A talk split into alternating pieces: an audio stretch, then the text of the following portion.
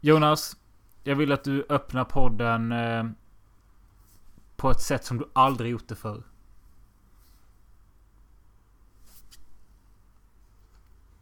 Okej, jag öppnade nyss podden på ett sätt jag aldrig gjort förr. Med, Med tystnad. Ja. Nej men okej, challenge accepted. Uh, Hur fan kan jag öppna ett podden på ett sätt jag aldrig öppnat på förr? Jag har ju gjort det på engelska. Jag har ju faktiskt gjort det på spanska en gång också. Och jag gör det varje vecka på svenska. Och jag kan inte direkt öppna podden och säga ett nytt random namn. För det gör jag varje gång. Okej, gör det som eh, Arnold Schwarzenegger. Alright my friends! Welcome to the gym! We're gonna have a protein shake to start off with. And then we're gonna record... Världens... Världens Säm, sämsta sämsta jävla... Fy fan vad dåligt det var. Du läser brittisk till och med. Åh, Och Arnold Schwarzenegger är inte så jävla övertrevlig heller. Welcome my friends, we're gonna have protein shake before we do the gym reps and the gym sets. Okej, men testa som Leif GW Persson då. Vem fan är GW nu? Åh, hej och välkomna till Film och Sofie podcast. Jag är en anorektiker i en fet mans kropp. Och jag gillar att lösa brott. För att då har mitt liv mening. En gång Ja. i tiden hade jag en hagelbössa i min mun.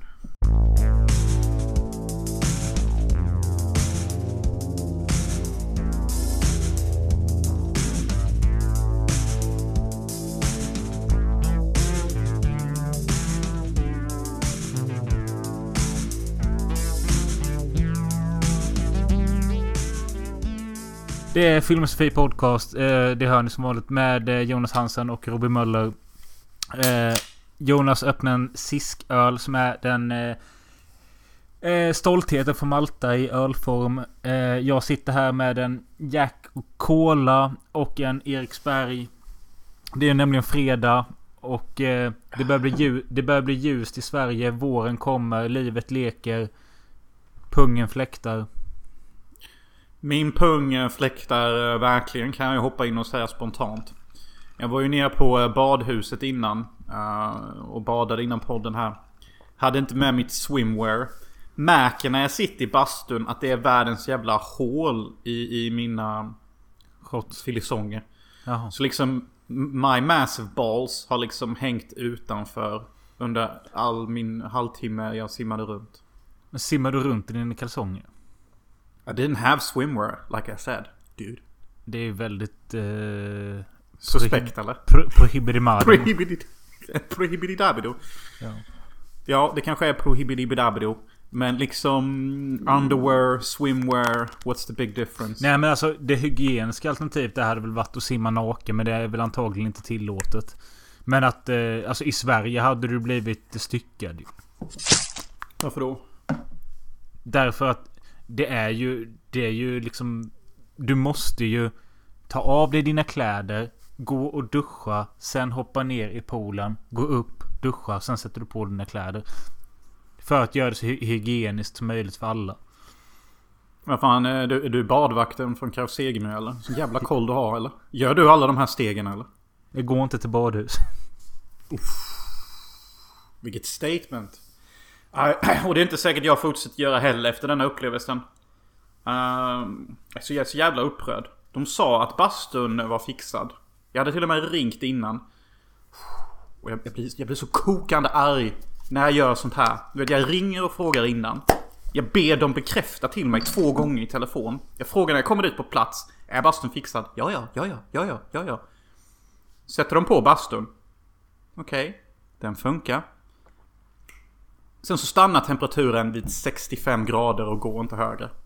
Det är inte en bastu my friend. That's not a bastu. Det är Nej. ett lite mer varmt rum för i helvete. Vad heter bastu på spanska?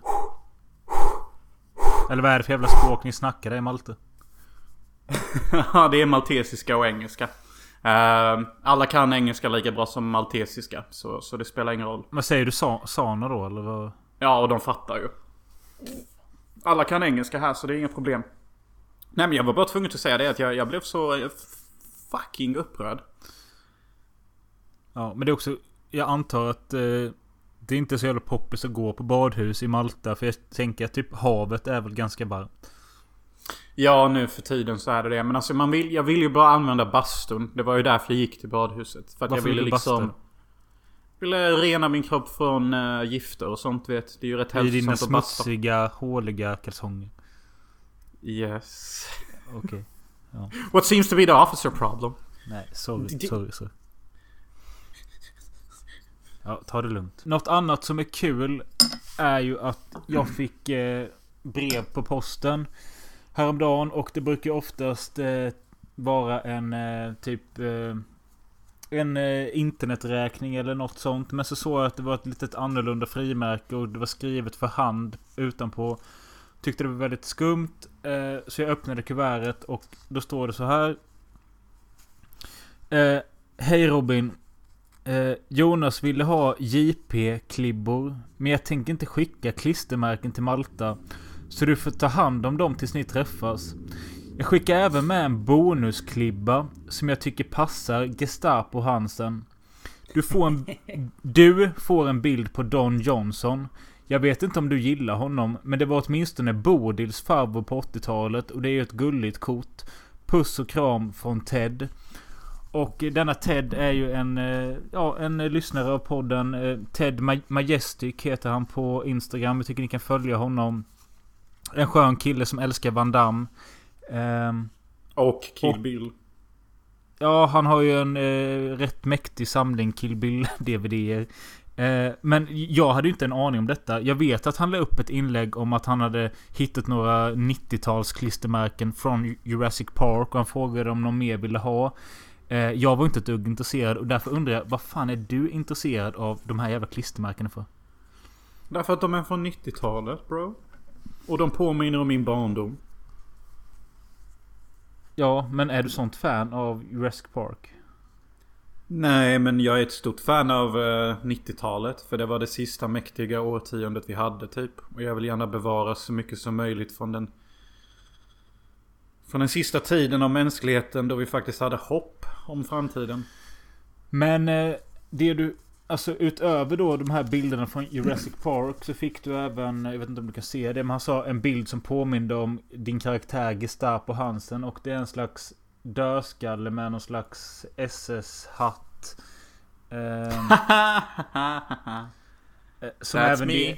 är, är ett klistermärke. Och jag, alltså jag, jag tycker det var jättegulligt. Och det, det, Ted, du ska höra det. Att känslan i att få ett handskrivet brev. Det är ju typ någonting, alltså. Den här nya generationen kommer aldrig få uppleva det. Jag upplever det knappt. Det är typ speciellt. Jag tycker Det är det är väldigt kul. speciellt och fint. Uh, dock får jag ett handskrivet brev varje år från min eh, mamma. För att jag alltid bor utomlands. Ja, men det är inte samma sak. Nej. Nej, men alltså, det roligaste jag fick ett, det här eh, skumma fanfotot av Don Johnson. Eh, What the fuck? eh, Don Johnson är ju mannen från eh, den ena halvan i Miami Vice. Eh, Ah, ja, ja, just det. för mig är han... Eh, han var någon fängelsevakt i filmen Brawl in Cell Block 99. Eh, jaha! Nu fattar jag ju. För han skrev här i, på brevet skrev han ju... Du får en bild på Don Johnson. Jag vet inte om du gillar honom. Men det var åtminstone Bodils farbror på 80-talet och är ett gulligt kort. Jag funderade länge på vad fan han menade med Bodil. Men på baksidan av detta vykortet så... Eh, står det så här. Hej, kolla vem som här kommer som ett kort på posten. Det är ju favoriten. Hälsningar, jag gissar vem. Och så är det till Bodil Ekvall. Norra Storgatan, Eksjö. Eh, printat 86. Så alltså det kan vara ett riktigt vykort. Till någon jävla Bodil 86. Bodil? Ja. Men alltså Bodil är ju ett jättekänt namn i Unnaryd, den lilla hålan jag kommer ifrån. Men för fan Jonas, du måste Du är helt vär, världsfrånvänd. Du fattar väl att det finns Bodil i hela Sverige? Och jag sa nyss att detta var adresserat till någon i Eksjö. Ja. Ja, just det. Det sa du. Men vad fan, min lilla hjärna från... Eh, alltså, jag kan inte hjälpa det. Jag, jag kommer från... Eh, ja. Eh, hur som helst, tack så jättemycket Ted. Eh, du är en grym kille och eh, jag är jätteglad för detta. Och Jonas, det är ju du som borde tacka för det är tack vare dig detta kom. Ja, tack så mycket Ted. Det var schysst. Jag trodde faktiskt inte du skulle skicka det när du sa att du skulle skicka det. Tycker det är så ofta nu för tiden folk bara säger att de gör någonting och sen så gör de inte det typ. Uh, så jag var jätteglad över detta. Har ju faktiskt pratat lite löst med Ted om att han ska gästa i framtiden och snacka om hans älskling Van Damme. Det tycker jag vi kan göra. Uh, för att Van Damme är fucking uh, cool as... I don't know. Golden shit typ. Ja. Um, det jag dock Men... kan säga om Van Damme är att jag ja. gillar inte hans cameo. Detta det är de två avsnitt jag tycker minst om i Friends-franchisen. Och det är när... Är det aktuellt att prata om Friends? Kan jag prata om det? Är det aktuellt att prata om Jurassic Park och Don Johnson så är väl Friends också... ja. Okej, okay, det finns två avsnitt i hela Friends-franchisen, alltså de tio säsongerna. Där en actionfilmsinspelning pågår eh, nära alla våra friends. Alltså Monica, Rachel och Ross. Mm. Och då är Van Damme en av de eh, stjärnorna i filmen. Den här Aha. fejkade filminspelningen. Eh, och det är två avsnitt och detta är de två avsnitt jag tycker minst om. För jag tycker det är så himla... Ja men det är så himla... Och, typ, typ, Ja men det är typ så här, typ ofta en filminspelning bara är jämte dem. Ofta de filmstjärnorna Van Damme bjuder ut Ross och Rachel och alla dem på dejt. Det känns så jävla... Typ... Vänner är så sjukt inne att vi bara måste placera dem jämte massa stjärnor typ. Ja men också det typ att så... ja, Van Damme är så inne, vi drar in han med typ. Ja, alltså det hela känns så jävla... Det känns så jävla manusskrivet typ. Och jag har alltid tyckt att vänner funkar bäst när det bara känns som en slice of life. Typ. Och, och det gör inte de här två avsnitten. De här två avsnitten känns som att vi har cash. Ni är fucking bönder. Titta på oss. Ni suger hemma i tv-soffan. Kolla vad vi gör med alla våra cash. Kolla vem eh, Jennifer Aniston kommer gå hem och hoppa på sen. Van Dams dick. Ni sitter hemma i soffan, får knappt ett avrunk av det, det det här eh, brevet också fick mig att känna var att eh, Förr, förr i eh, Filmsofis historia så eh, kändes det som att det ganska ofta kom ett brev eller ett paket till oss som vi kunde öppna i podden. Det var jävligt mysigt. Oftast så var det väl eh, skickat av Christian Schill för det är han som har skickat oss mest alkohol och kläder. Vi har fått nazistmemorabilia och annan sjuk skit. Rickard Larsson har gjort egna t-shirtar och tvålar. Ja. Mattias Indeground har också gett oss t-shirtar. Eh, jag säger det. Bli gärna Patreon på patreon.com filmsofi för att få ett extra avsnitt i månaden och hjälpa oss ekonomiskt. Men pallar ni inte det? Skicka oss gärna en gåva i form av ett brev med något innehåll. Det kan vara något drickbart, något ätbart, något roligt. Vad fan som helst. En film vi ska se eller prata om. Eh, det är jävligt kul. Så det uppskattas. Ja, det gör det verkligen. Och sen så får... Sen så om ni blir Patreon, det är ju mer skit än bara ett extra avsnitt i månaden. Det är ju massa goa filmer vi har gjort. Eh, och massa annan shit som kommer upp. Men eh, vi får hoppa in på dagens tema. Som då är romantiska komedier. Vi kommer i slutet av avsnittet ranka våra topp tre favoriter inom genren. Och eh, innan dess kommer vi prata om två stycken ganska nya inom genren som vi har valt att se. Som kanske skiljer sig lite från mängden. Men genren överlag Jonas, vad känner du inför den? Alltså en typisk romcom. Vad känner du? Alltså jag känner typ bara glädje alltså. Alltså romantiska komedier är ju helt underbart. Det är ju typ vad film... Alltså romantisk komedi är typ vad film står för. A good fucking time, glömma bort ditt skitliv och må bättre efteråt. Mm. Jag har egentligen bara positiva saker att säga om romantiska komedier typ. Jag förstår, jag förstår att det är lätt tittat. Jag förstår så att typ, om man ska se en tjej med sin partner eller något sånt. Ja, men vi kan slå på den. den de har, håller alltid på i 90 minuter och vi vet hur den slutar och hur den är uppbyggd. Eh, ja, det kan väl vara trevligt. Men eh, överlag skulle jag säga att jag typ pissar på genren. Jag skulle säga att den stora mamman av eh, genren är ju när Harry mötte Sally. För det, den, jag kollade massa... Nej, men jag kollade massa topplistor. Och den låg oftast i topp tre. Uh, och jag, jag och Annie såg denna för två år sedan eller något. Och vi båda, vi båda var väl överens om att ja, det var väl okej. Okay. Men... Eh, ja, ja. Men det är ja, inte mer än så. Och det är typ den... Det, varenda, varenda romcom som följer den klassiska mallen är för mig en... En um, skön axelryckning. ja, men alltså det, det är helt okej att en film är en skön axelryckning. Alltså, alltså, alla filmer behöver inte vara hard punching, hit you in the gut. Nej. Typ. För, för, då hade man ju inte suttit och kollat på så många filmer. Typ. Det måste ju finnas lite variabler. Uh, men nu när du nämner när Harry mötte Sally. Uh, för, för ni som kanske inte har så bra koll på filmer. Det är faktiskt från den filmen uh, det kända I'll have what she's having kommer ifrån. Och det är när Meg Ryan gör en fejkad orgasm i en restaurang och så kommer någon jävla servitris fram och frågar vad heter killen? Ja, vad vill du ha? Bill, Billy Crystal. hon har eller något. Billy Crystal ja. Som, uh, som faktiskt har vunnit komikpriset någon gång i tiden vill jag minnas under 90-talet. Säkert. Ja, det är han och, och Whoopi Goldberg. Jag sög ju med min impersonation med Arnold Schwarzenegger och typ det. Men jag tror jag hade kunnat göra en rätt bra Billy Crystal. Så jag ska bara prova här lite snabbt. So, Robin. How's it hanging? You, you, you want a beer? Perhaps? You know, some, some, some French roast?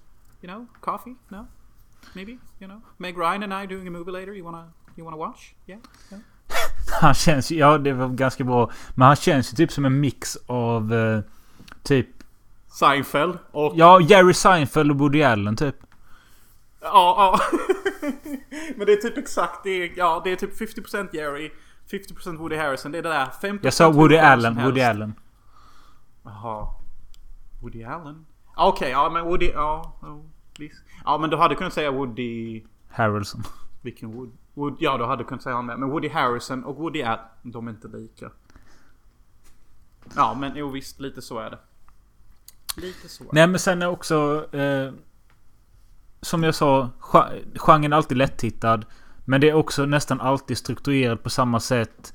Vi får sällan några överraskningar och är det en överraskning så är den ändå inte tillräckligt eh, intressant för att filmen liksom ska nå högre höjder. Utan en romantisk komedi är nästan alltid en två eller en tre av fem. Eh, mm. Men det är bra att de finns för ibland så orkar du liksom inte ha något komplicerat och då slår du på en sån. Det jag älskar med romantiska komedier som jag nämnde innan är att det är, ett perfekt, det är en perfekt film att se med sin flickvän. Om man har en. Men det är också en perfekt film att se med familjen typ. För att Som du säger typ. Det, det är fucking samma skit i varje film. Alltså rent storymässigt sett så följer alla romantiska komedier en, en kurva typ. Ja. Nästan vid varje minut så händer en nytt plot twist typ. Där blir de kära. I de nästa 10 minuterna får vi se hur gött det är när de är kära. Nästa kvart så kommer ett problem etableras. Nästa kvart kommer spenderas på att gå djupare i det problemet. Nästa fem minuter kommer spenderas på att lösa det problemet. Nästa tio minuter kommer vara upplösning av det problemet. Sista fem är de lyckliga alla dagar. Och så är alla romantiska komedier typ. Det är bara boom, boom, boom, boom. Det är som en hinderbana typ. Precis så. Men jag tänkte på det här du snackade om att det går att se familj med familjen också. Absolut, men... Det kom ju en liten kort period. Eh, jag har egentligen bara två exempel. Men där de skulle göra de här, den, exakt det här upplägget av romantiska komedier. Eh, lite kortare. Och då tänker jag typ på filmer som eh, No Strings Attached med eh, Natalie Portman och Aston Kutcher. Där de eh, liksom eh, skulle vara två heta, snygga unga människor som eh, skulle testa det här med att bara ligga utan att få känslor för varandra. Sen så året efter kom det en identisk film med eh, Justin Timberlake och Mila Kunis. Eh, Friends with Benefits. som var exakt samma film. Typ, jag föredrog No Strings Attached bara för att jag föredrar både Aston Kutcher och Natalie Portman framför de andra två. Men den, den typen av lite mer sexorienterad romcom vill jag nog inte se med mina föräldrar. Nej, inte jag heller. Och jag tyckte typ de var lite... Jag vet inte, jag, kan bara bli väldigt suspekt när jag ser sådana filmer. Typ så här, typ bara... Det känns typ så här att... Ska vi titta på dessa människor vara romantiska med varandra? För att... skaparna vill göra oss avundsjuka på hur sexiga och snygga de är och hur mycket sex de har. Alltså ibland känner jag typ bara att Många filmer från Hollywood speciellt är typ bara ett sätt för att Typ trycka in i tittaren att vi är bättre än dig och du vet det. Vad fan. Nu quotade jag en romantisk komedi uh, omedvetet. Uh, kommer ni ihåg filmen uh, Dodgeball? Som är hur kul som helst. Med Will Ferrell. Med, uh, nej, ja, nej, med Ben Stiller och vad fan heter Ja just ja. Uh, Owen Wilson. Nej, nej, nej, den andra sköne jävlen. Jag sa Will Ferrell. Alltid... Will Ferrell. Nej. Nej, inte Will Ferrell. Han är med i Jurassic Park 2. Han är med i uh, typ massa filmer. Han är alltid en skön pajsare. Aj, aj, aj, aj. Det spelar ingen roll. Nej. Han är någon i alla fall. Men jag tänkte på Dashboard. Skitbra film. Ja. Anyway, fortsätt. Nej, men vi behöver inte snacka så mycket om... Alltså de, de flesta... Det, det är faktiskt kul att även om du inte är ett dugg filmintresserad så vet du vad en romantisk komedi är. Ja, och du har sett typ minst tio styck. Ja. Det kan man säga att det är den populäraste genren? Alltså ofrivilligt typ. Alltså det, det är inte så att vi, vi, vi ville att det skulle bli så. Det bara är så. Ja det känns ju som att på varje sån här streamingtjänst. Alltså har du via Play, Seymour och Netflix och allt vad det heter. Så är du ett eh, Die Hard fan av romcoms så får du en ny varje vecka. På någon av tjänsterna. Ja. Ja. Och det stämmer. Eh, och ja. nu när vi ändå pratar om romantisk komedi. Alltså storhetstiden av romantisk komedi. Det är ju som jag sagt innan. Det är ju 90-talet och tidigt 2000-tal. Ja, alltså, man kanske skulle kunna säga att startskottet var när Harry mötte Sally som jag tror kom 89. För därefter så mm, på 90-talet så kom de här med Tom Hanks och Meg Ryan. Sleepless in mm. Seattle, You've Got Mail. Mm. Eh, mm. Och vad fan de mer gjorde. Men och sen så kom de mer... Det kom så många. Vi har Dum och Dummare. Ja, men är, det en rom, är Dum och Dummare en romcom? Uh, bro. Uh, Jim Carrey och bokstavligt talat från typ det sydligaste av Amerika till det nordligaste av Amerika för att bli ihop med en brud typ. Jo, det... det är road movie romcom kan man säga. Okej, okay, sant. Men du. Eh, kan du hålla lådan i eh, en och en halv minut och fortsätta prata om romcoms. Jag, jag kommer höra dig i mina hörlurar men jag ska gå och pissa. Ja, den klassiska ska dra en stril mitt i podden. Den gillar vi. Nej men då kan jag passa på att eh, ge lite romcom historia. Alltså, där under 90-talet, vi fick ju hur många som helst. Vi fick ju Döm och Dömare. Sen så fick vi ju Mina, jag och Irene. There's something about Mary. Den där Mary. Uh, vad fan har vi? Fan har vi mer för några? Alltså det är ju hur många som helst. För att inte nämna Ace Ventura Pet Detective. Nu nämner jag egentligen nästan bara Jim Carrey-filmen. Men det var ju nästan han som eh, skeppseglade hela genren typ. Ja, I alla fall där jag kommer ifrån. Och sen så hade vi alla Adam Sandler-filmer. Happy Madison Productions exempelvis. Um, det är väl Happy Madison. Ja, ja, vi har ju i alla fall Happy Gilmore där ja. Och sen har vi ju... Um, Anger Management. Den tror jag filmen kom 2002 kanske. Men det är också så här, det är mycket Adam Sandler, mycket Jim Carrey. Uh, sen har vi Charlies Änglar. Det är ju mer av en action, eh, komedi, romantik. Men det är ju ändå liksom en form av... Den, sådana filmer föddes ur romantisk komedi. Där vi fick många actionfilmer som hade romantiska aspekter. Allt du nämner är ju typ vanliga komedier. Pet Detective. Happy, så du Happy Gilmore eller så du Happy Madison? Nej, så Andrew Management. Ja, skitsamma.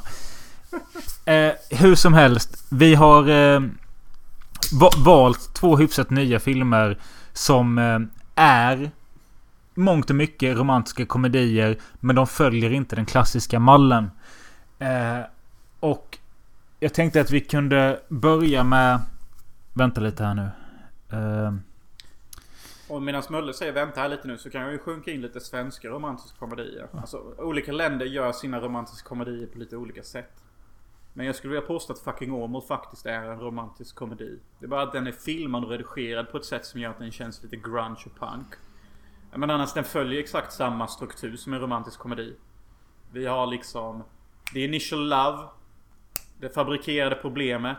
Det fabrikerade problemet upplöses. Sen är det fuck you till alla plus publiken. De lever lyckliga alla sina dagar. Jo. Alltså det är exakt samma skit. Jonas, jag förstår vad du menar. Men jag skulle inte kalla Fucking Woman så mycket romantisk komedi. Romantiskt drama, visst. Men alltså, jag tänker, alltså vi har ju ett mycket bättre svenskt exempel och det är ju hundtricket. Ja okej okay, bro, du sa det. Jag var beredd på bara FU, sug min dick typ. Nu var det igen, jag måste jobba på mitt ordförråd. Jag kan inte säga sådana saker. Jag måste säga typ... Eh, dra dit ingen hör dig och ät dålig julmust eller någonting. Ja. Men... Uh, ja, och denna filmen En gång i Phuket. Ja, det köper jag. Eh, uh, så En gång i Phuket är en jättebra svensk romantisk komedi och Hundtricket är ju en riktig som Jalla jalla. Exakt, jalla jalla där ja. Och kanske till och med uh, Kops. Eller? Nej, nej. nej nu får du... Nu, jag, jag, måste sätta ner en fot. För du kan inte bara säga komedi. Nej, exakt. Där är skillnaden. För i Kops, det finns lite romantiska element. Men huvudpersonen och hans romantiska intresse kysses aldrig eller ens kramas. Och det är inte en viktig plotline genom uh, filmen typ. Så där, där är skillnaden. Där blir det bara en komedi typ. Ja. Men vi hugger in i de här lite udda fåglarna vi har valt till avsnittet. Och vi kan börja med Red Rocket från 2021.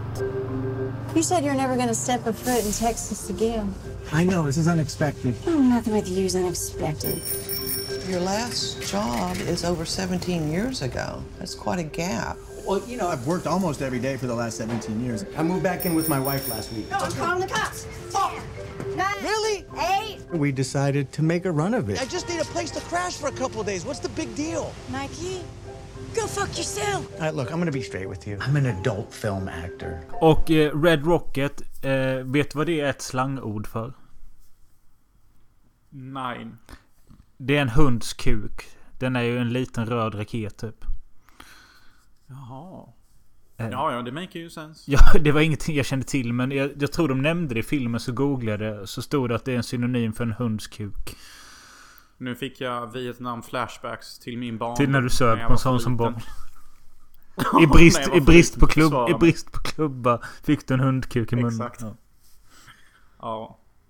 Eh, våt och eh, narig. Men i alla fall. Eh, Red Rocket 2021. Eh, gjord av Sean Baker som blev känd för filmen Tangerine 2015. För att han lyckades med det eh, konceptet att filma en hel långfilm med sin iPhone som blev en lyckad eh, indie-dramafilm. Okay, okej. Okay. Eh, och därför fick han väl liksom... Det blev ett bevis på att eh, okej, okay, han kan sin sak och han behöver inte så mycket pengar eller grejer för det för att han är duktig ändå. Sen gjorde han en annan lyckad film som jag inte vet vad den handlar om. Den heter The Florida Project. Mm. Eh, och sen då nu har han eh, gjort Red Rocket. Eh, och kort och gott kan man säga att den handlar om en eh, avdankad eh, porrskådis som har gjort karriär i eh, LA. Han är egentligen från Texas och det har skitit sig med porrkarriären i LA så han eh, åker tillbaka till Texas till sin exfru som bor med sin mamma. Så han flyttar in till exfrun och hennes morsa. Och de vill egentligen inte ha honom för att han är en jävla loser och en jävla slav. Eh, men han eh, lyck lyckas övertala dem och säga att jag fixar, hjälper till med hyran. Och det gör han genom att eh, börja sälja weed. Och eh, det är väl egentligen den stora handlingen. Förutom det lilla kruxet. Om vi ska komma in på romantiken så är det att han en dag träffar en ung tjej som heter Strawberry i en donut shop. Hon jobbar där och han blir förälskad i henne. Med det lilla problemet att han är typ 45. Hon är 17. 17. 17 ja. Ja. Och det är inte vilken jävla donutbutik som helst. Det är Dunkin fucking Donuts. USAs mest kända jävla donutkedja. Uh, och bara för och jag hoppar lite framåt i handlingen här. Men en sak jag tycker är så charmigt och kul. Det är att vår huvudperson har tjänat in lite pengar på weedet. Och han vill leka man med de två damerna han har i huset. Hans exfru och hennes mamma. Då tar han dem ju till Dunkin Donuts och säger bara Beställ vilka jävla donuts ni vill. All of them. Chocolate donuts, strawberry donuts. Och jag typ, och de här två tjejerna är typ bara Oh, I'm, I'm gonna go hard, I'm gonna get four or five donuts. Och de, de, typ, de behandlar det som att nu går vi ut och festar till det. Och så är det världens jävla nuclear power plant i bakgrunden. Typ jämte den här jävla Dunkin Donuts. Och jag bara... Alltså detta är typ realistiskt. För att jag har varit inne i en Dunkin Donuts i USA. Och det är typ de människorna man ser. Och de är typ exalterade för att vara i denna jävla sockergiftbutiken typ. Huvudrollen här eh, som spelar porrstjärnan Mikey. Han spelas ju av Simon Rex. Som eh, för den stora allmänheten eh, känner man igen honom om man har sett Scary Movie 3. Nej, jo Scary Movie 3 och 4. Han, I trean så spelar han ju den här eh, killen som eh, gör parodi på Eminem i 8 Mile. Han är en rappare som eh, vill lyckas. Eh, och... han, eh, alltså jag, jag tror att han blev rätt poppis där för att han, man kommer ihåg honom och han var jävligt kul och nice. Eh, Ja, för det är den scenen där han, eh, han, han, han, han rappar jättemäktigt. Men så råkar han slänga på sig en hoodie så att han ser ut som en Ku Klux Klan-medlem. precis. Och sen så, så börjar han låtsas heila också som man inte egentligen vill göra. Så jag älskar Scary Movie. Påminner om en simplare tid där man bara skämtade om det mest vulgära man kunde komma på. Och det, man behövde inte vara kreativ med det. Jag kommer ihåg, så här, no, jag kommer ihåg ett känt quote på filmen. Det är när han säger så här bara I have a dream. Så säger hans polare And what's that? To have a dream. To have a dream. det är därför jag älskar de här Scary Movie typ. Det är bara straight humor. Alltså det, det är ingen bullshit. Det är inga komplicerade skämt.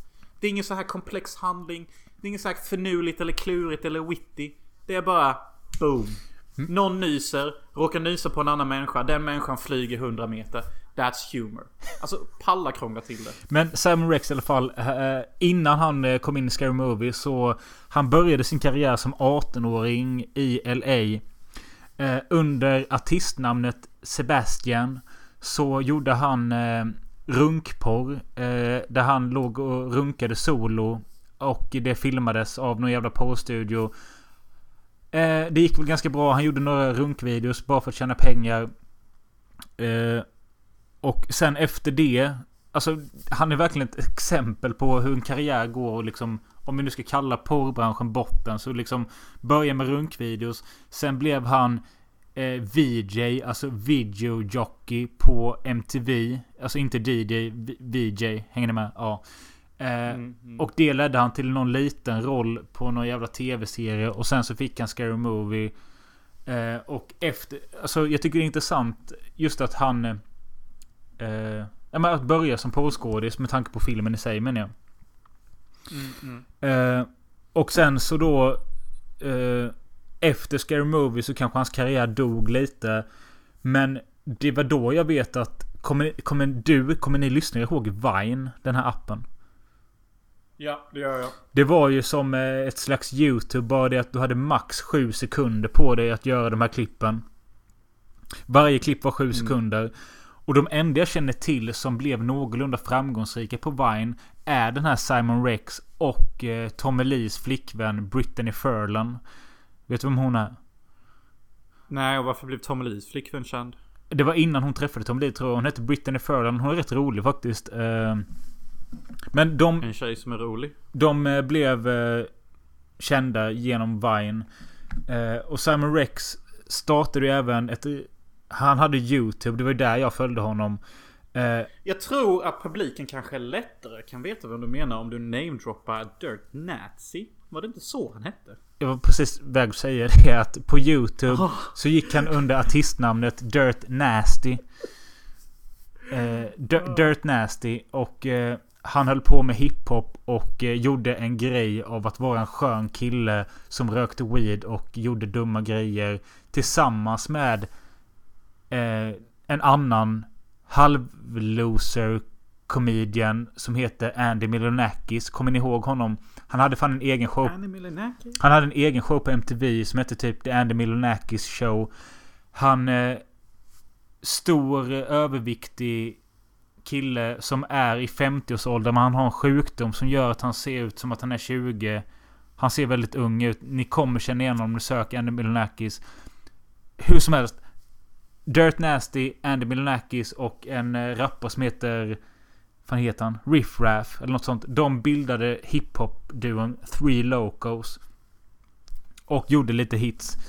Eh, och det var bara det jag ville säga att liksom Den här jävla Simon Rex, alltså Dirt Nasty. Han har typ på något sätt alltid levt kvar lite grann i mitt medvetande för att jag har hittat honom. Ja men Scary Movie och sen så eh, YouTube och de här grejerna i några år.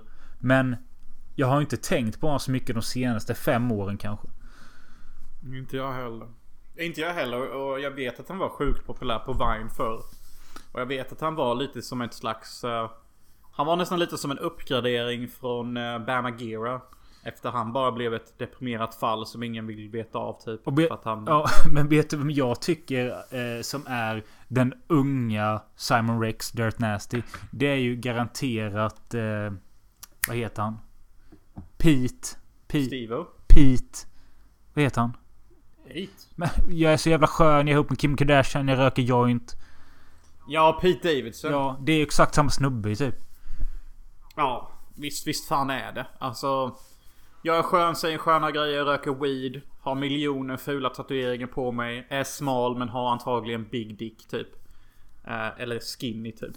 Eh, jag tror att både Pete Davidson och Dirt Nancy har big dicks och... eh, alltså jag snackar bokstavligt talat nu. Inga metaforer här. Uh, och de har the confidence to boost. Uh, och... Eh, så jag kan känna när jag ser Red Rocket att det är typ Dirt Nazi vi tittar på. Men sluta säga nazi. Varför- Sluta säga nazi. Ja, varför säger jag Nazi? Vad är det? Det är Dirt Nazi. Nasty. Nazi? Nasty. Nasty är det. dirt Nazi. It's the Dirt Nazi and he must die. Nej men eh, Red Rocket känns verkligen som att eh, regissören har eh, speciellt velat ha Simon Rex, alltså Dirt Nasty och... Men är det inte Simon Rex som gjort filmen själv typ? Nej, nej, nej. Alltså det känns som han både skrivit, regisserat och filmat filmen. Typ för att allting känns så jävla... Liksom typ så här Skräddarskuret till hans Ja, absolut. persona typ. Det håller jag med dig om. Det är det inte. Han kanske har lagt sig i manuset, det vet jag inte. Men jag tror det var att Sean Baker verkligen ville ha just honom för att det skulle passa honom bra. Och det hade han ju rätt i. För det jag vill säga med honom är att han gör ju sin roll jättebra. För att det känns som att det är väldigt nära han själv. Men också... Det är väldigt ofta han har extremt långa monologer. Eh, och han levererade bra. Men om vi ska prata lite om karaktären Mike i sig. Så är han ju ett fruktansvärt as. Jag fattar inte den kritiken. Alltså jag fattar inte den kritiken alls. Kanske är det för att jag kan känna att jag relaterar rätt mycket till Dirt Nazi. Uh, karaktär då. Uh, men alltså, jag förstår inte varför folk har ett problem med honom. Han är typ bara schysst. Han är typ bara snäll. Han säljer weedet bra. Uh, han gör allt han blir tillsagd till att göra. Han är alltid trevlig. Alltså det är egentligen det enda som är ifrågasättbart med honom. Det är ju hans manipulativa taktik han kör med 17-åringen. Och, han, och hur han typ nästan groomar henne till att acceptera hans livsstil på ett väldigt karismatiskt sätt. Annars är han en soft dude. Jag fattar fan inte varför hans exfru och hennes mamma har problem med honom. För att han bringar nästan in cash direkt till dem. Och han är alltid trevlig med dem. Och han tar inte hem massa konstiga typer till huset. Han är en jättebra inneboende. Och jag förstår fan inte vad folk har emot honom. Nej, men alltså det, det kan ju vara att... Alltså han verkar vara narcissistiskt störd i och med att han är liksom... Utöver det du säger... Hur... Alltså... Det kan ju vara en moralfråga i sig som inte vi behöver svara på här. Men att han just eh, söker efter den här 17-åringen och vi får se han ligga med henne flera gånger i filmen. Eh, det, det förstår jag om folk har problem med. Det gör, rör inte mig i ryggen liksom. Men eh, jag säger inte att det är rätt eller fel. Eh, men sättet han försöker vända henne till någonting för hans egna vinning. Och speciellt, vi ska inte spoila för mycket av filmen. Men speciellt hur han behandlar grannen. Han som är ett jävla psycho som klär sig i militärkläder fast han inte är militär. Och eh, som det sker en viss bilolycka med. Tycker du han behandlar honom illa? Men skojar du eller? Alltså jag helt... Kan jag relatera så mycket till karaktären att jag inte ser problemet i karaktären? Alltså det här, det här, han det här kan vi inte ens ha med i podden. Men till exempel då när Simon Rex är anledningen till den här bilolyckan. Eh, folk blir allvarligt skadade. Eh, Simon Rex eh, är jätterädd att han själv ska åka dit. Sen får han reda på att det blir bara den här grannen Lonnie som åker dit. Då står han och hoppar av glädje i trädgården för att han blir fri. Ja, jag vet. Ja, jag vet. Men alltså allvarligt talat. Uh, vi måste typ ha med detta i podden. Det, det är typ ett viktigt dilemma. Men, men, men vår huvudperson och, och grannen som är i militärkläder. Eh, de hamnar i en bilolycka och massa dör och typ. Men ingen ser att det är de som liksom gjorde olyckan. Liksom det. Om ingen talar så kommer de komma undan med det. Men hans militärpolare bestämmer sig för att typ bara erkänna att nej men det var jag som körde och nu blev jag tagen typ. Alltså. Han hade ju inte behövt säga någonting överhuvudtaget typ. Så att, ha, så att, så att Dirt Nazi kommer undan. Nasty! eh, Från olyckor. Nä, nasty. Det, det är ju inte någonting som är hans fel. Det, det, det var ju den andra personen som valde att själv gå och erkänna. Liksom. Så varför ska han inte vara glad att han kommer undan? Men Jonas, Jonas det är nu jag ser att du, du är liksom lite narcissistiskt störd också. För ser du liksom inte att han kunde liksom ha känt lite medlidande eller tyckte det var hemskt eller något sånt. Istället för att stå och hoppa och dansa i trädgården. Jag ska nog inte skratta här. Men det är bara för att jag tycker det är en sån kul scen. Uh, för att det är sånt roligt skådespel liksom. Han är på någon jävla backstreet i redneck uh, fucking country typ. Och... Eh, Jo, uh, alltså visst kan han väl ha lite medlidande. Det, det, det kan han väl ha. Men också å andra sidan. Han hade ju inte behövt gå och erkänna. Och hade jag varit med om detta. Nej, men han gick inte och erkände heller. Han gick inte och erkände. Polisen kom ju hem till honom för att bilen var där.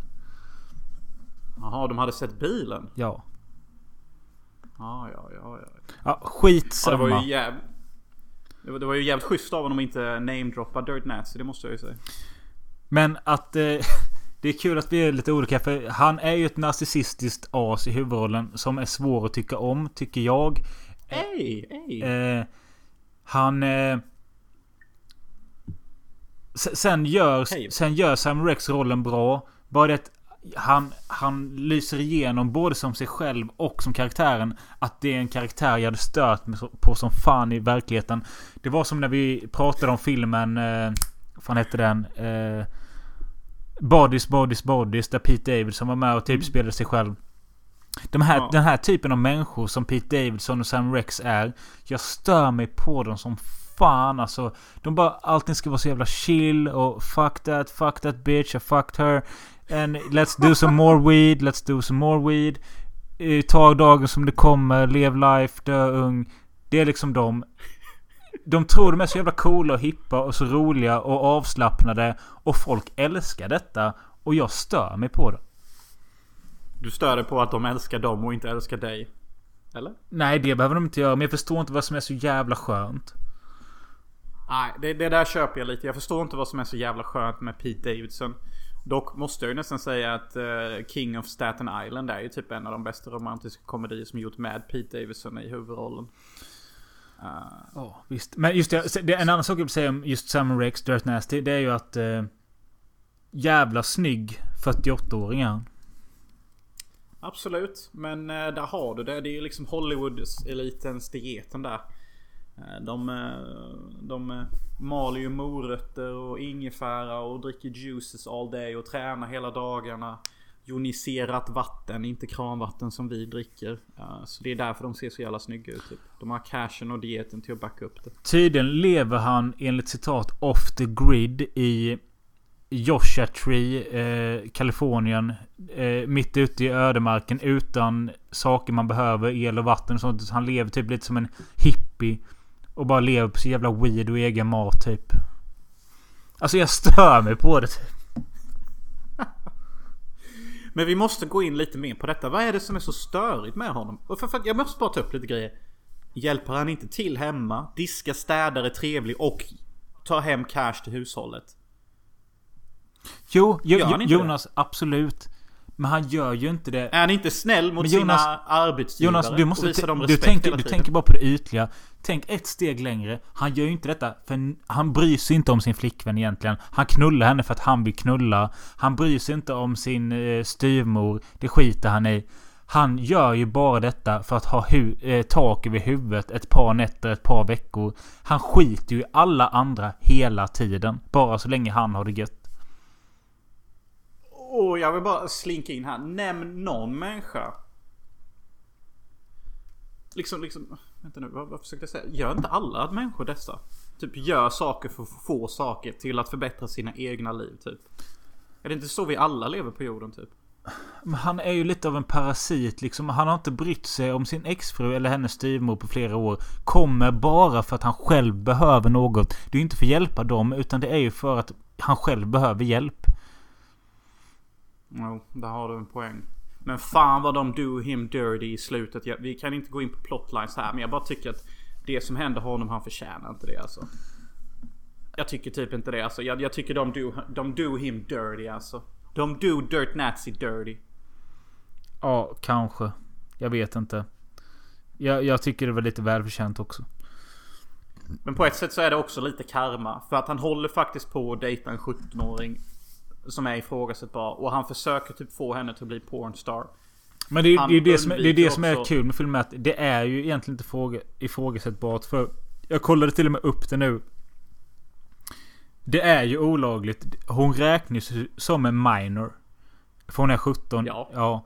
Ja. Och... Eh, ja, redan där så är det väl liksom... Han, han, är, han är ju moraliskt fel hela han typ. Ett, vandra, Ja, ett van, tycker- vandrande, vandrande moraliskt fel.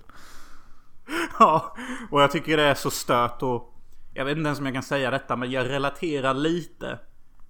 Och jag, jag vill inte att ni ska tolka det på fel sätt men han filmar ju eh, när han har sex med Strawberry. Då filmar han ju det.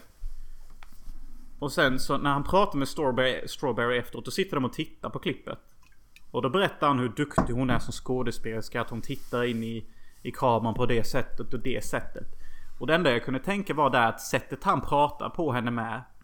Är exakt samma sätt jag talar till skådespelerskor jag vill ha med. Exempelvis när jag gjorde Eyes of the Sun. Att jag pekar ut grejer de gör jätteduktigt och förstärker de aspekterna så att de ska känna sig mycket, mycket, mycket, mycket bättre över sig själva. Och då tänkte jag, är jag Dirt Nazi? För att så som han pratar i denna scenen, exakt samma jävla strategi i min taktik i ordval jag gör. Bara det att jag gör inte porrfilmer, jag gör typ kreativa konstfilmer eller någonting. Och då knyter vi ju tillbaka till det du sa innan typ.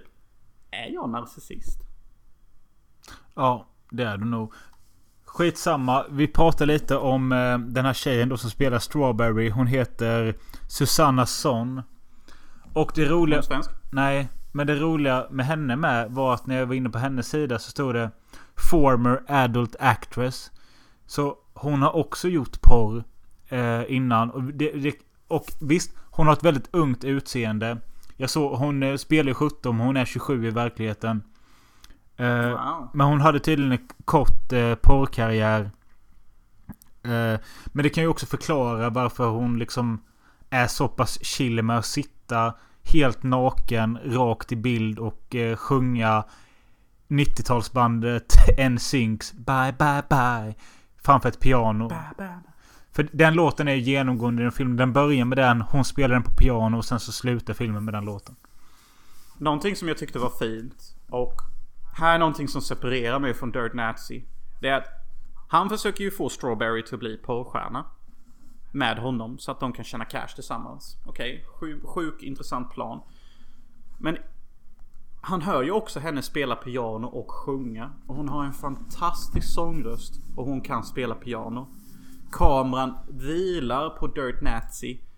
Uh, eh, så att vi som tittare ska kunna känna så här att Kommer han omvärdera sin strategi och sin plan? Något annat filmen har som jag uppskattade. Det var att den här lilla Texas-hålan i sommarsken, i solsken, ser väldigt mysig ut. Alltså jag tycker det ser Ja. trevligt Ja. ut. Ja. Eh, och Ja, ihop, alltså- ihop med eh, Samuel Rex att han bara... Han cyklar ju överallt. Han cyklar genom den här staden. Det är så jävla mysigt typ. Ja. Ja. Jag, jag älskar hur den lilla hålan ser ut. Att även fast det är ett powerplant och Dunkin Donuts är den finaste restaurangen. Det har ett jävligt nice filter över sig. Det ser nästan ut som att man tittar på den här jävla hålan genom barndomsögon. När allting hade mer färg och lys till sig. Sen måste ni förstå det med att bara för att jag snackar skit om karaktären i sig betyder inte det att jag tycker filmen är dålig. Snarare tvärtom. Jag tycker det är intressant att sätta ett sånt svin i en huvudroll. Och att liksom... Ja, du ska ändå heja på han och liksom följa han. Det gillar jag. Och att, och att hela tiden så är filmen liksom så här typ i något moraliskt gränsland över vad jag som tittare ska känna. Jag gillar det. Jag tycker filmen är bra. Ja, jag tycker också filmen är skitbra. Jag tycker det är så kul att du verkligen är så hård. Du bara, han är svin, han är narcissist, han är sociopat. Ingenting är direkt bra med honom. Och jag sitter här och typ tänker tvärtom och tycker typ att alla andra är typ svin mot honom.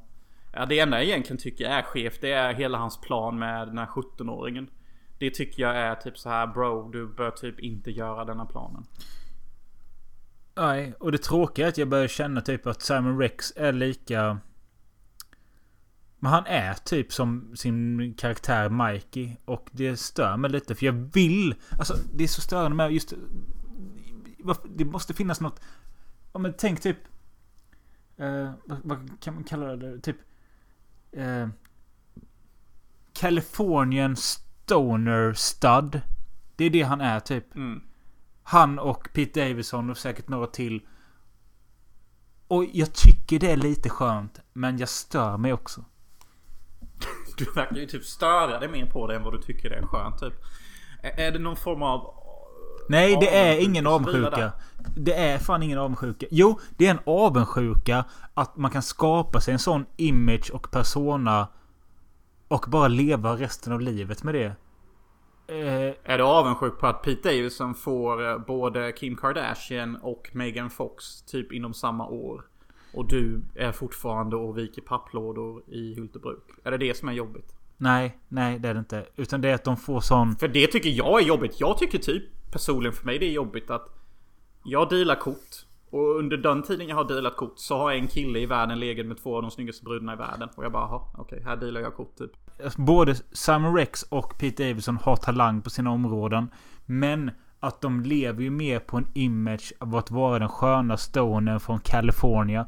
Och det stör mig. Liksom att det är liksom någon jävla... eh, Det är någon slags... Eh, hockeykortstatus. Att Ja. Mhm.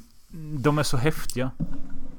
I'm from California, I smoke weed. You mean less to me because here weed is legal and we have the sun all the time, you motherfuckers. Typ den attityden, det stör dig typ. Att just den aspekten är det som höjer upp dem till skillnad från deras talang typ. Ja, men det är någonting med skö, sköna typer från LA. Kan dra åt helvete typ.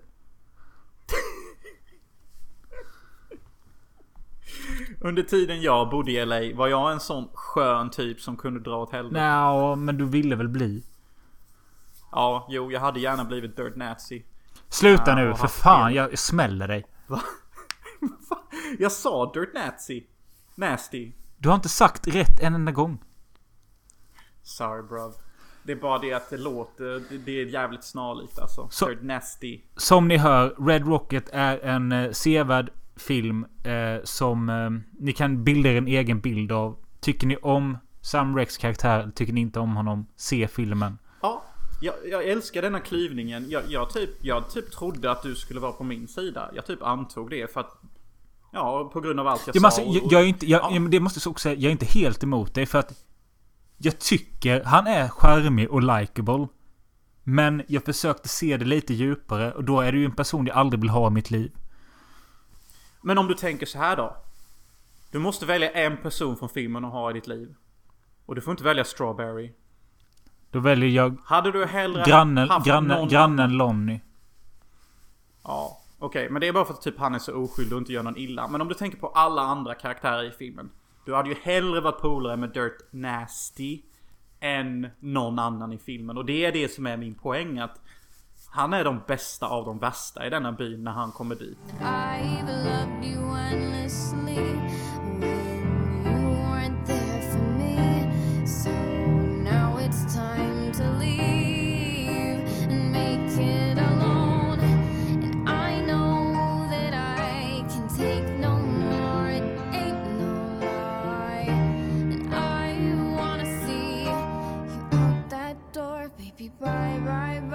Nästa film vi ska snacka om heter Dinner in America. Är från 2020 av en kille som heter Adam Re Remeyer. Remeyer. Remeyer. Jag vet inte fan. Eh, han, han slog igenom med eh, filmen The Bunny Game 2011. Som är någon sån här eh, extremskräckfilm med bara tortyr i 76 minuter i svartvitt. Som blev en sån chockfilm över hela världen typ. Eh, vilket då kanske överraskar när han kommer med en ganska romantisk fin film 2020 i form av Dinner in America. Som handlar om någon form av, precis som i Red Rocket, någon form av slashas eh, som är anti allt, anti livet. Eh, sitter på något slags mentalhem i början av filmen. Eh, släpps ut därifrån, träffar på en tillbakadragen eh, yngre tjej som jobbar i, eh, som vet, eller som i en eh, djurbutik. Vilket för mig eh, drog tan tankarna till Adrian i Rocky. För det är ganska likt där. Jobbar i en liten pet shop, har glasögon, är liten och tillbakadragen. Eh, Mm, mm. han träffar henne och det utvecklas någon form av skev punkrockig kärlekshistoria. Det är väl filmen i sig. Jag kan känna spontant att detta är typ en film du eh, low key typ gillar jättemycket. Eh, när jag såg den första gången för en och en halv månad sedan så tyckte jag den var jävligt uppfriskande. För jag kände direkt att eh, när filmen börjar och det öppnas på ett mentalsjukhus eh, och eh, man ser den här huvudrollen som heter, eh, fan heter han? Simon där. Simon. Han eh, sitter på mentalsjukhuset och kollar på en annan mentalpatient. Och mentalpatienten börjar dregla. Och han ser det som något sexuellt. Eh, och det blir någon slags sexig stämning över hennes dregel i maten. Och de börjar typ fingra lite i någon köttbit och sånt. Och jag bara det här är, det här är snuskigt på riktigt. Därefter, därefter börjar någon slags... Eh, någon slags dubstep-musik och det kommer stora förtexter. Allting är bara väldigt in your face. Alltså väldigt mycket attityd. Och det är väl det som är punk antar jag. Nu skulle, filmen i sig är väl lite punk. Med, med, alltså en punk-attityd. Huvudrollen Simon. Eh, vad han är för typ av person vet jag inte. Men det är också en huvudkaraktär jag stör mig på väldigt mycket. För hans attityd till allting är att Fuck life, fuck you, fuck this and fuck that. Det är liksom det, det, är, hans, det är hans dialog. Och det, det är därför jag har så svårt för punkare. I allmänhet. För att de all, alla är typ så här, alla typ... Ingen vill duscha och ingen vill tvätta sig. Eh, de alla rejectar society. Och, och ingen vill vara typ en i mängden. Men alla punkare ser ändå likadana ut. De har äckligt flötigt hår, de rakar inte sig ordentligt och de har svarta kläder. Vad är det du rejectar egentligen? Du rejectar en större grupp för att vara med i en mindre grupp. Du är fortfarande ett litet får, unge punkare. Jag förstår vad du säger. Men å andra sidan så är det exakt samma personlighetstyp du är. Bara att du inte har samma klädsel eller attityd i facet typ. What you talking about though? Nej men det är ju typ det ju. Jaha, du menar att jag är punkare? I huvudet. Ja, jo. Lite grann. Jag har tänkt på det att även om jag rejectar många saker så tillhör jag ju egentligen bara en annan grupp. Eh, men det jag kan störa mig med punkare speciellt är att de är så jävla... Alltså det jag egentligen stör mig på med punkare. Det är inte vad de säger och vad de gör utan det är deras hygien typ. Det är, det, det är ju inte hälsosamt att vara ohygieniskt och det är inte snällt mot andra i din omgivning typ. Alltså hade punkare bara tvättat sig mer så hade jag inte haft någonting emot dem. Hur som helst, eh, den här killen han är bara en sån Fuck society, fuck life, allting suger. Jag kommer ut från mentalsjukhus och behöver hitta på någonting. Första han gör är att träffa på en tjej utanför hemmet som säger Hej, hej. Kom med hem till mig. Då kommer han hem till någon skum familj i början. Och den familjen, eh, där är mamman Lia Thompson från bland annat då Back to the Future. Som han börjar hångla upp. Eh, och det var här någonstans jag blev kär i filmen. Dels för att hon var med som en milf som han hånglade upp. Men samtidigt att pappan i den här familjen sitter och kollar på en jävla fotbollsmatch med sin son. Och så säger han verkligen orden, skriker mot tvn. Run you nigger run! Och då tänker jag att okay, den här filmen går så pass långt. Den här är så pass hård alltså. Och då kände jag att okej, okay, den är kanske punkig på många sätt. Eh, och det är inte just... Det, det, det är inte just att de säger nigger i sig. Utan det är att den, den, den vågar saker liksom. Att våga säga nigger 2023. Det är ju ungefär lika modigt som att uh, godkänna sig själv till att bli en gladiator på gladiatortiden typ. Uh, alltså du... Du går ju med på att göra dig själv till en måltavla för arga transmänniskor och social justice warriors. Uh, som är vår tids nazister typ. Ja. Så ja, filmen är rätt modig för att den vågar göra det typ. Eh, men sen skitsamma. Eh, Simon han sticker från den här familjen han träffar först. Och sen så träffar han då den här huvudtjejen som heter Patty. Och eh, hon är en... Eh, ja men som jag sa en tillbakadragen ung liten tjej som... Eh, har en väldigt strikt familj där pappan har sagt till henne för att skrämma henne att han är allergisk mot alkohol och mot cigarettrök. Så hon är ju väldigt oskyldig och rädd av sig. Förutom den lilla detaljen att hon på kvällarna slås hon in sig i sitt rum. Lyssnar på hård punkrock och onanerar. Fotar detta och skickar till någon i bandet hon lyssnar på. Och det visar sig vara den här killen vi följer. Han är sångaren i det bandet. Ja, jag tyckte det var en riktig uh, intens plot twist. Uh, och en kul, uh, kul tråd typ. Jag vet inte egentligen vad jag, vad jag ska säga om hela den här filmen. Typ, den, den är så punkig och in your face. Och jag... Om vi bara ska jämföra denna med Red Rocket. Alltså, denna huvudkaraktären är ju en karaktär jag inte kan tycka om typ. Jag tycker typ att han tar... Alltså exakt varje situation han är i. Så väljer han att vara ungefär sitt sämsta jag. Medvetet. Och jag har alltid tyckt att människor som gör det är typ så här typ Varför hatar du dig själv typ? Varför vill du vara din sämsta personlighet så ofta du kan? Det håller jag med om. Men å andra sidan hade jag vetat vad jag har honom. Jo, det gör man ju också men Vet man verkligen vad man har honom? För det känns ju så jävla typ Jag blev sårad när jag var liten Jag passade inte in Så jag kommer applicera en extrem personlighet som är fabrikerad och egentligen inte sann och nu måste jag tvinga alla andra människor till att acceptera det. Bara det att den här huvudpersonen som han eh, skapar romansintresse för. Hon säger ju någon gång ganska tidigt i filmen typ bara Alltså du får typ chilla lite. Och då chillar han faktiskt lite. Och det är då jag börjar tänka att ja, Om det nu var så lätt för dig att chilla varför gör du inte det hela tiden för? Typ för det, det låg ju... Alltså, så, det är det som stör mig typ att Hans personlighet känns påhittad typ. Som karaktär. Visst, det är en riktig människa som skådespelar en roll. Men karaktären i filmen känns som en roll han hittade på för sig själv. Och det har jag typ svårt för. Jag förstår vad du menar och jag kan du känna det den här andra titeln? Jag såg inte hela filmen, jag hoppade lite i den för jag hann inte men att eh, han är ju inte ett dugg skön. Det kan jag ändå ge Dirt Nasty. Han var ju lite skön.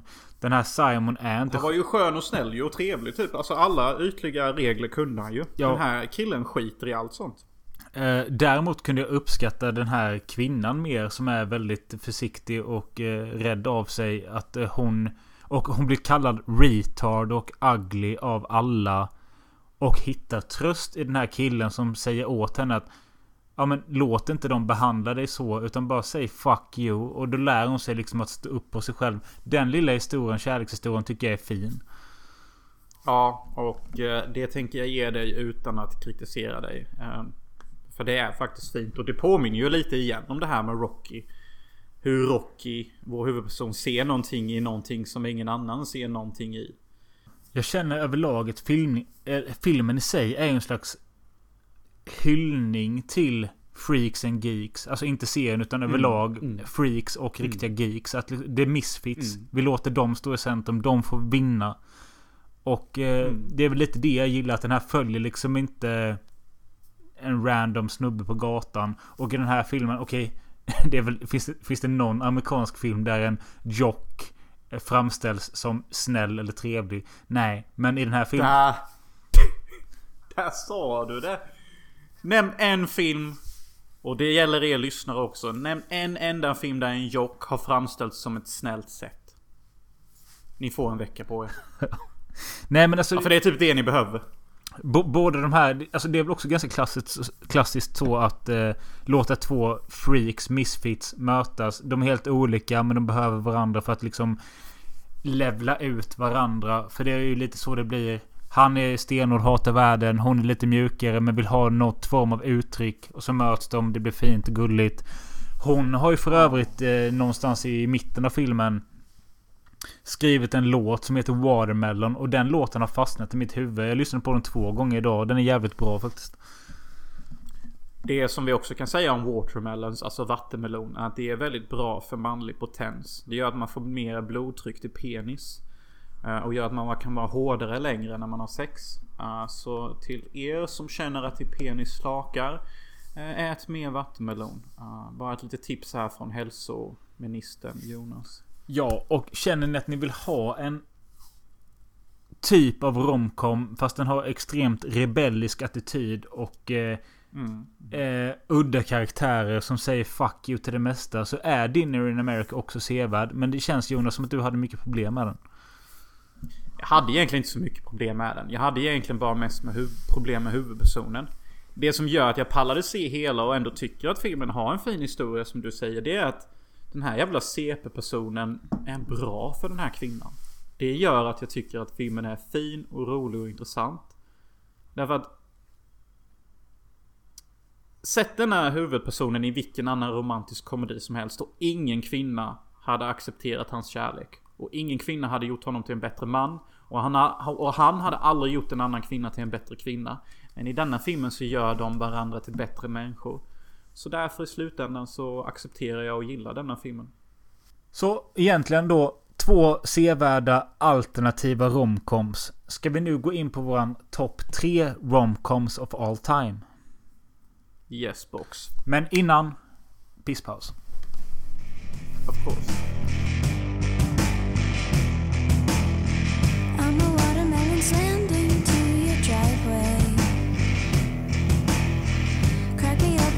Feel the air inside me. Like a tongue tongue in my eardrum, dum dum. Music boyfriend, I'm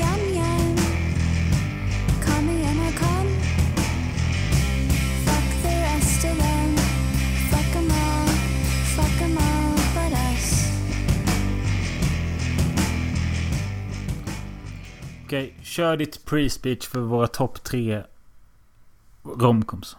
Okej, jag, jag ber om ursäkt här. Men jag, jag måste hålla ett litet pre-speech. Och det är att det, det är väldigt svårt för mig att göra en topp tre. Det jag kan säga är att jag har alltid vetat vilken min topp 1 eh, romantisk komedi är. Uh, det jag kan säga är, om, om vi, vi kan göra så här. När Mölle nämner sin trea och sin tvåa. Då kan jag nämna i förbifarten vilka filmer jag tycker är i samma klass som Mölles trea och Mölles tvåa. Och när vi kommer till ettan då kan jag namedroppa min för, favorit romantisk komedi. För att denna tycker jag är the quintessential romantic comedy. Hur låter det? Visst, kör på. Men jag för mig att det var du som skrev att inget... Nej, det kanske var när vi gjorde den andra listan. Men du skrev inget trams, inga, inget annat. Bara listan. Nej, och det är därför jag känner mig lite B. Och det är också därför jag kände att jag var tvungen att ha ett pre-speech. För att jag tycker att just romantiska komedier är lite av... Det är en genre som inte är så... Det är inte, det är inte så himla lätt att betygsätta vad som gör en bra romantisk komedi. För att om du ser det med en kvinna, då kan en romantisk komedi vara världens bästa film. Ser du den själv, då kan det vara typ så här axelryck som du sa innan.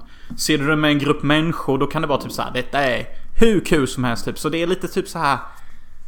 Jag tycker det är en väldigt svår genre att definiera. Och jag hoppas ni kan ha förståelse för det. Okej, men nu tar jag en ren klunk av min Jack Daniels här och sen så tar jag min nummer tre. Okej, perfect. Ja, Jag är så taggad typ. För du är ju ganska punkig av dig och ganska... Ja, fast du är inte så deppig egentligen. Du är en ganska glad person vill jag påstå. Du kan njuta av en hamburgare utan att känna att eh, du borde ha en gourmethamburgare typ och... Plats nummer tre. Ja. Kevin Smiths Chasing Amy från 1997. Wow. Vilket fucking pick! Varför är du top G? Eh, Jävlar. det är alltså Kevin Smith, Okej. Kevin Smith som gav oss Clerks. Han eh, 97 efter att ha gjort två, tre filmer så tänkte han att ja, men jag testar att göra något lite seriösare men ändå behålla min comic book intresse och eh, humor. Eh, men det här är ju då de två polarna Ben Affleck och eh, vad heter han som spelar My Name Is Earl? Eh, kommer inte ihåg vad han heter men det är ju han i alla fall. Mm. Jason någonting. De två är polare, bästa polare och eh, Ben Affleck blir kär i en tjej som spelas av Alyssa Jones tror hon heter. Eller heter karaktären det. Skitsamma. Han blir kär i en tjej. Det visar sig att hon är lesbisk. Filmen utvecklar sig till ett slags triangeldrama. Där eh, Ben Affleck kan inte acceptera att hon är lesbisk. För de hånglade eller knullade en gång. Och han tänker många gånger Ja. att jag kan övertala henne med min kuk typ. Samtidigt Ja. som hans polare då, My Name Is Earl. Eh, sen blir, alltså jag älskar tjafset mot slutet av filmen när det, de lesbiska tjejen vänder de två mot varandra och säger Ni två är ju bögar. Det är, ni vill ju ha varandra. Och de, de, de dementerar inte det direkt utan de bara Är vi bögar? Jag gillar det som fan. Och jag gillar också det typ. Det är ju någon scen i, i filmen när Ben Affleck typ bara säger till My name is Earl. Och typ bara. Alltså lyssna på mig My name is Earl. Du måste ligga med den tjejen jag är kåt i. För att jämna ut känslorna. Ja. Och jag tittar... My name is Earls reaktion är så underbar för att han bara... Okej, jag kan väl ligga med henne men jag vill verkligen inte. Men om du tror att det jämnar ut känslorna så visst. Och sen så säger tjejen att det kommer inte jämna ut känslorna. Och jag vill inte ligga med dig My name is Earl. Och My name is Earl bara... Thank fucking God! För jag vill inte ligga med någon här inne i rummet och Ben Affleck du är helt störd i huvudet. Men jag älskar, alltså, det är så kul att det är ett svartsjukedrama.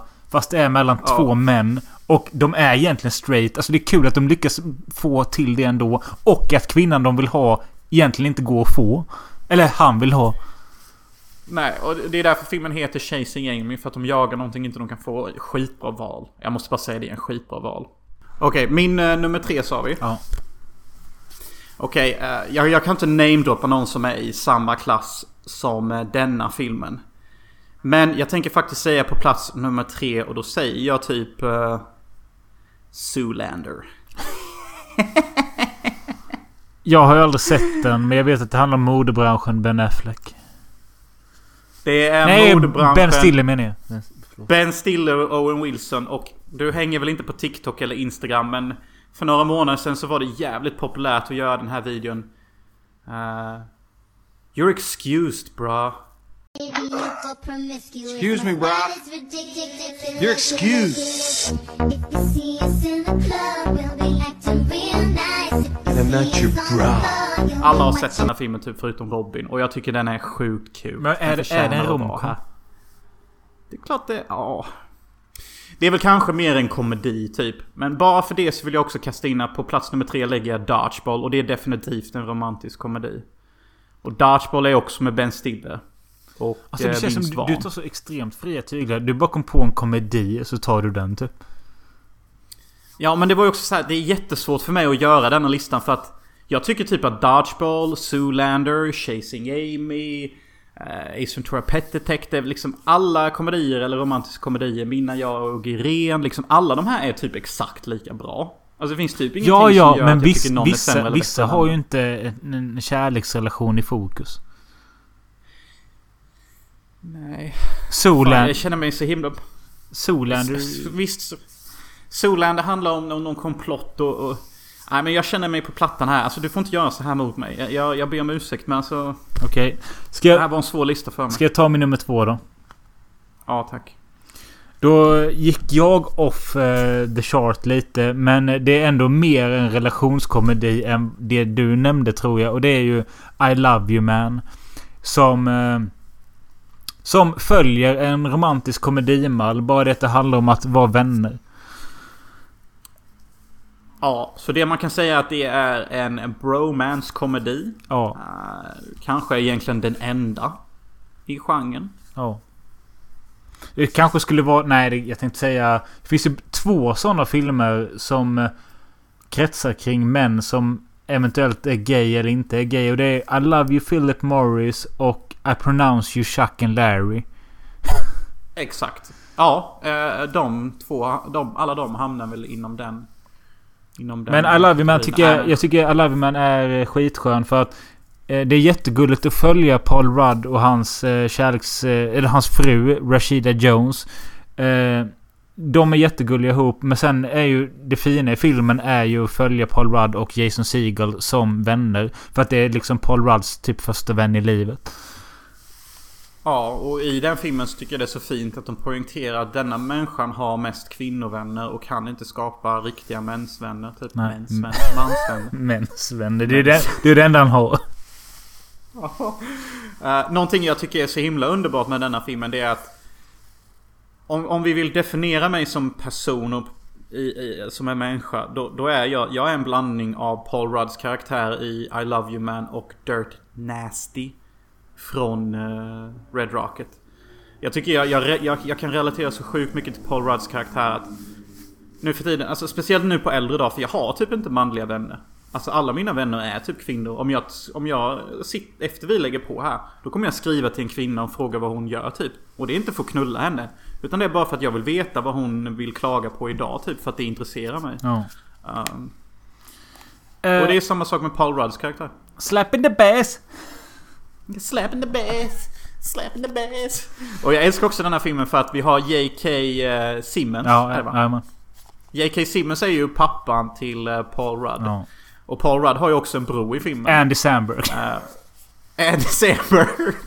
Och han är ju bög. Ja. Men jag älskar också denna typen av bög för att han är bög på ett straight sätt typ. Och jag har alltid gillat bögar som är bögar på ett straight sätt. Han är riktigt skön bög. Och likadant, jag älskar han bögen som eh, dejtar Paul Rudd. Ja, just det ja. Det finns så jävla många roliga scener mellan honom och, honom, och honom. Uh, fan, hur fan förklarar man ens de scenerna? Det, Nej. bara, ja, det, går typ inte. Nej men denna filmen är skitbra. Alltså, så, du, är så, du är så duktig på listor alltså. Ja, Det är kör, därför Mölle har Mölle-lista liksom. kör din två. Ja, Molle listar för övrigt som aldrig listar någonting. Nej men min nummer två är ju typ, alltså jag kan ju bara namedroppa någon här. Alltså, det är ju typ Dodgeball alltså. Men du har du redan nämnt. Ta bort den nu. Den nämnde du på tredje. Men vad Har du Ja, ens men något? Är du, är du, du nämnde Dodgeball det här med. Och du nämnde Dodgeball i början av avsnittet. Ja men shit. Det är ju typ min favoritkomedi typ. Alltså det är därför jag nämner den. Vem är du? Ah, på nummer tre säger jag Dodgeball. På nummer två säger jag Dodgeball. Ja men bara för att vara lite fucking uh, rebellious här eftersom jag tydligen är det. Då, då tänker jag namea denna. Someone, someone like it hot. Marilyn Monroe. fucking Marilyn Monroe. Yeah? Ah, Yeah you didn't expect that did you? Nej. You fucking eh, modern punk rocker. kul val. Det är ju med Tony Curtis, alltså Jamie Lee Curtis pappa och Jack Lemmon och Marilyn Monroe. De klär ut sig till kvinnor och något. Jag kommer inte ihåg. Jag har sett den men jag kommer inte ihåg vad jag tyckte om. Det enda crossdressing dramat jag tycker är roligt. Uh, alltså det är egentligen jättekul. Det är två män som flyr från maffian. Och för att undvika maffian så klär de ut sig till kvinnor. Alla skämt, verkligen nästan alla skämt bygger på att de har klätt ut sig till kvinnor. Och då tänker ju typ hela vuxna publiken, det måste ju vara jättetråkigt. Varje skämt bygger på samma sak. Men det är det inte. Det är jätteroligt. Och det är en klassiker. Ja Ja, men det är ju det. det var kul att du nämnde den faktiskt. Eh, Ja men varje gång jag ser den filmen på TV, jag typ gapflabbar typ. Och det är inte ens kul. På min plats nummer ett så har vi en film jag bara sett en gång så kanske inte ska säga så jättemycket om den. Men vi har gjort ett helt poddavsnitt om den och den heter The Heartbreak Kid från 1972. Eh, jag skulle säga att det kanske är... Jag sa innan att startskottet var när Harry mötte Sally. Men 20 år tidigare fanns The Heartbreak Kid. Som handlar om en kille som jag tror heter Charles. Som är på sin honeymoon. Med och tror att han är jättelycklig med sin fru. Men på sin honeymoon så träffar han en tjej som verkar mycket mer intressant. Och de lyckas övertala varandra om att hon är ett bättre val. Så han dumpar sin fru och tar henne istället. Och sen är han osäker om han har valt rätt hela filmen typ. Ja. Och det är så kul att du nämner Heartbreak Kid för att det är typ en film som jag, jag vet inte om den slog så stort när den kom egentligen. Den red mest på att det var en ny svensk eh, kvinna i huvudroll. Det är ingen svensk... Jag snackar om originalet nu. Ja, du snackar om originalet. Men shit vad off jag är. Ja, ja. Det är ju fan skitbra val då. Nej, för jag och Jonas vi har poddat om eh, både originalet och remaken i ett avsnitt som heter The Heartbreak Kids. Där vi såg både originalet och remaken. Men det originalet jag känner är liksom den starka av dem. Tvåan kanske är roligare. Eller jag vill säga remaken kanske är roligare. Men originalet har både de äkta känslorna och är liksom mer bra filmiskt. Det har du verkligen, verkligen rätt i. Uh, ja. Ja, det har du fan. Så The Heartbreak Kid från 1972. Se den. Den är fan rolig och eh, skön. Ja, den är riktigt rolig. Det, det roliga är att den är så jävla realistisk. Att jag tycker att den är en kommentar på mäns kåthet. Hur vår kåthet uh, overrider vårt sund, sunda förnuft typ. Att vi måste alltid ha den nya kåta saken typ. Men kan du bara köra din plats nummer ett? Är det Dodgeball? Nej, det är det inte. Det är uh, There is something about Mary. Jag vill nästan påstå att detta var nog faktiskt den första romantiska komedi jag såg i mitt liv. Uh, så det är kanske därför den ligger på topp nummer ett. Och det är den där Mary typ. Jag har alltid tyckt att detta är the quintessential uh, romantic comedy. Varför egentligen? Vet jag inte. Men det är bara det att... Jag tror den har ju det vi snackade om igen. Den är väldigt lättittad. Men till skillnad från många andra lättittade romcoms så är denna faktiskt rolig på riktigt. Ja, den är jättekul. Och den har många groteska skämt. Uh, många visuella roliga skämt. Alltså, speciellt början när Ben Stiller drar upp gylfen för snabbt. Ja. Och han råkar få pungkulorna i kläm. Mm. Och, och, och, alla går och tittar och skrattar åt det. Och, och, det är så kul typ. Och sen så det roligaste i hela filmen är ju såklart när vår huvudperson blir tagen för att han är mördare typ. Och så. Ja, det finns så mycket roligt. Men det är också även kul när typ den där lilla hunden får ecstasy i sig och skit. Ja, när hunden får ecstasy i sig skit och hunden börjar brinna typ och får el i sig. Ja, och det mest klassiska när eh, han drar en runk innan sin första dejt och eh, hon smetar in... Eh, han har kommit sig själv på örat och hon smetar in det i håret. Ja. Det är ju till och med det som gör posten när hon har den här frillan ja, typ. Ja. Puh. Nej men alltså, jag tycker den är, den är grym. Bara att du, ja, kan, du älskade nog lite mer mig. Men eh, jag tyckte... Förra gången jag såg den så tyckte jag det blev så jävla tjatigt med alla de här som vill ha Mary när de ska slåss om henne i slutet. Och Matt Dillon kommer ja. där som privatagenten. Och däremot jag älskar ju han, vad fan han nu heter. Han som får de här jävla eksemen för att han är förbjuden. Han får inte träffa henne. Ja. Just det. Woogie. Ja, Woogie. Woogie Giganagis. Yeah, Woogie. These are love, love blisters for you. Men med de orden så måste vi avsluta dagens avsnitt av Filmosofi Podcast. För jag är redan försenad med en halvtimme. Tack för att ni lyssnar och tack för att ni finns. Tack Jonas för att du finns. Eh, vi hörs. Tack för att du finns. Hej då.